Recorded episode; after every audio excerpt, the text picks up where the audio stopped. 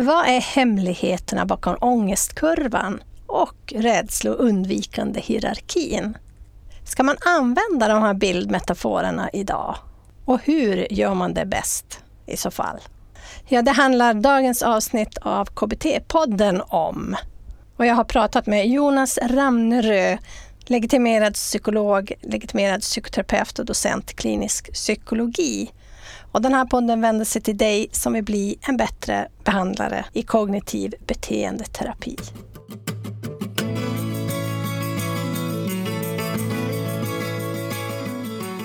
Ja, du är så välkommen till KBT-podden och avsnitt 263. Jag som håller i den här podden heter Lena Olsson Lalor.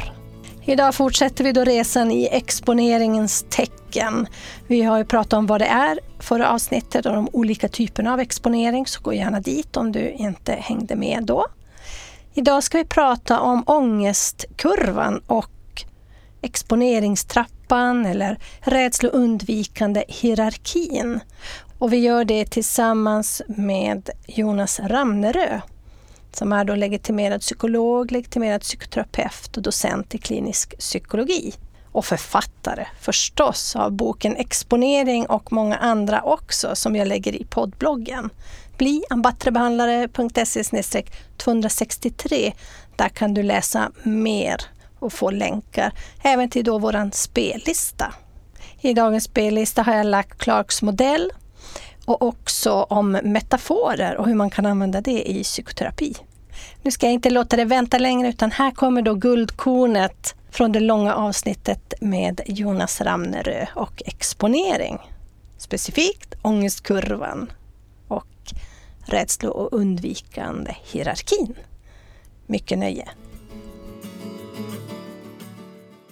Ångestkurvan brukar jag säga att det är en funktionell metafor.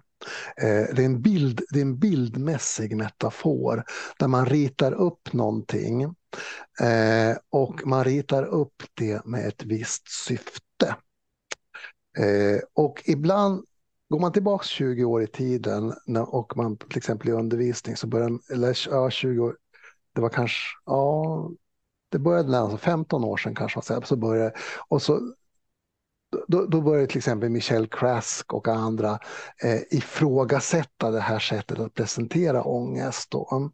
Eh, och när man tog det i undervisning då kunde det vara som människor som, det var som att man, de fick liksom sin barnatro ifrågasatt. Då. Eh, alltså, mm. Men jag tror ångestkurvan, det, det viktiga för att och, ibland när man kritiserar det så blir det som att man skulle slå mot något slags fundament. Men jag tror det är viktigt att ångestkurvan, så som vi ritar den, och det, här, det är inte en vetenskaplig teori. Mm. Det är ju viktigt att slå fast. Ja, det är, viktigt, det, är, det är viktigt att slå fast med tanke på att framförallt inom beteendeterapin så sa vi att vad ska vi hålla på med? Vi ska förankra det vi gör i vetenskap.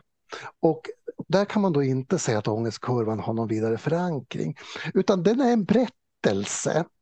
Den där berättelsen kan vara till hjälp den kan vara till hjälp så tillvida att man får människor att stanna kvar i en svår situation och kanske mer observera det som händer, observera hur känslor förändras över tid. Mm. Men den har vissa element som kan vara lite tveksamma. För det första så är det inte alltid att ångestkurvan infinner sig. Och eh, då ställer man patienten inför ett problem, nämligen att de är en avvikelse från en, någonting som jag har sagt att så här ska det hända. Det är inte alltid, alltid alls man får stark ångest till exempel under exponering. Mm. Och ofta när man pratar med terapeuter, då är det så att jo, jo, jag, jag drar ångestkurvan. Så får man dra lite tillägg och man får liksom modifiera den där, för man vet mm. någonstans att den här stämmer inte riktigt. Då. Mm. Mm. Eh, det andra som är problematiskt med den, det är att den beskriver ett mål som handlar om att bli av med ångest. Mm. Och det gör, och att den beskriver en ganska passiv jag skulle säga, den återspeglar en ganska passiv syn på människan eh, som är alltså vänta, vänta så går det över. Och den tror jag inte speciellt, jag tror att det är bättre att man mer försöker prima, och det är det man gör med en berättelse. Eh, man försöker prima till exempel en undersökande attityd.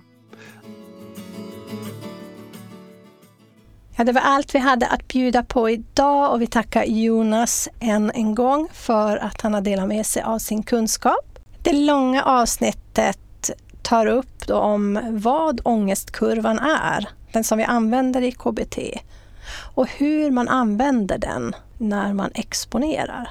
Vi tar upp vad priming är, skillnaden mellan rädsla och nyfikenhet.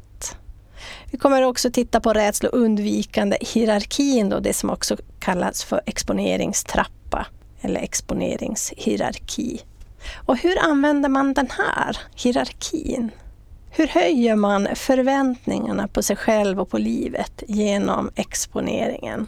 Vad är det här med gradvis och systematisk utveckling av livet? Suddskattning tar vi upp lite grann och att funktion är före form.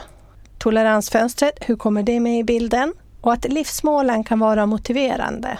Och exponeringen som ger mer plats till fler upplevelser och dimensioner av de här upplevelserna. Behöver ångestnivån gå ner för att det ska vara en lyckad exponering? Så det är några av punkterna som vi tar upp här i det långa avsnittet. Så gå in och köp dig en prenumeration på bliambatterbehandlare.se 263. Där kan du också hitta annat smått och gott som litteratur, alltså bokens referens och andra böcker som Jonas har skrivit och också andra avsnitt som ligger i spellistan, till exempel Clarks modell och eh, om metaforer. Bli ambattrebehandlare.se 263. Och som sagt, oavsett om du har köpt en prenumeration eller inte så är du välkommen till poddbloggen och lyssna på alla andra av våra guldkorn. Och som ni förstår finns det 263 stycken by now. Bli abatterbehandlare.se 263. Har du funderat på hur man faktiskt lär sig saker och ting? Och då tänker jag mest relaterat till nu vad vi sen behöver exponera för att personen ska må bättre. Hur har det lärts in det vi sen behöver jobba med exponering med? Ja, det kommer vi att prata om i nästa avsnitt, så jag hoppas att du kan hänga på då. Du hittar oss på Instagram och Facebook. Bli en bättre behandlare om du vill höra mer från oss.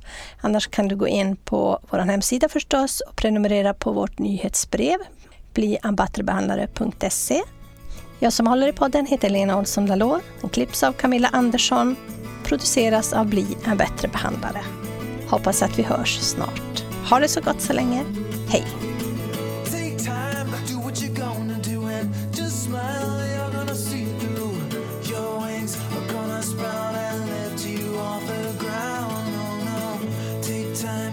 what oh, gonna do. Just smile, you're gonna see it through. Your wings are gonna sprout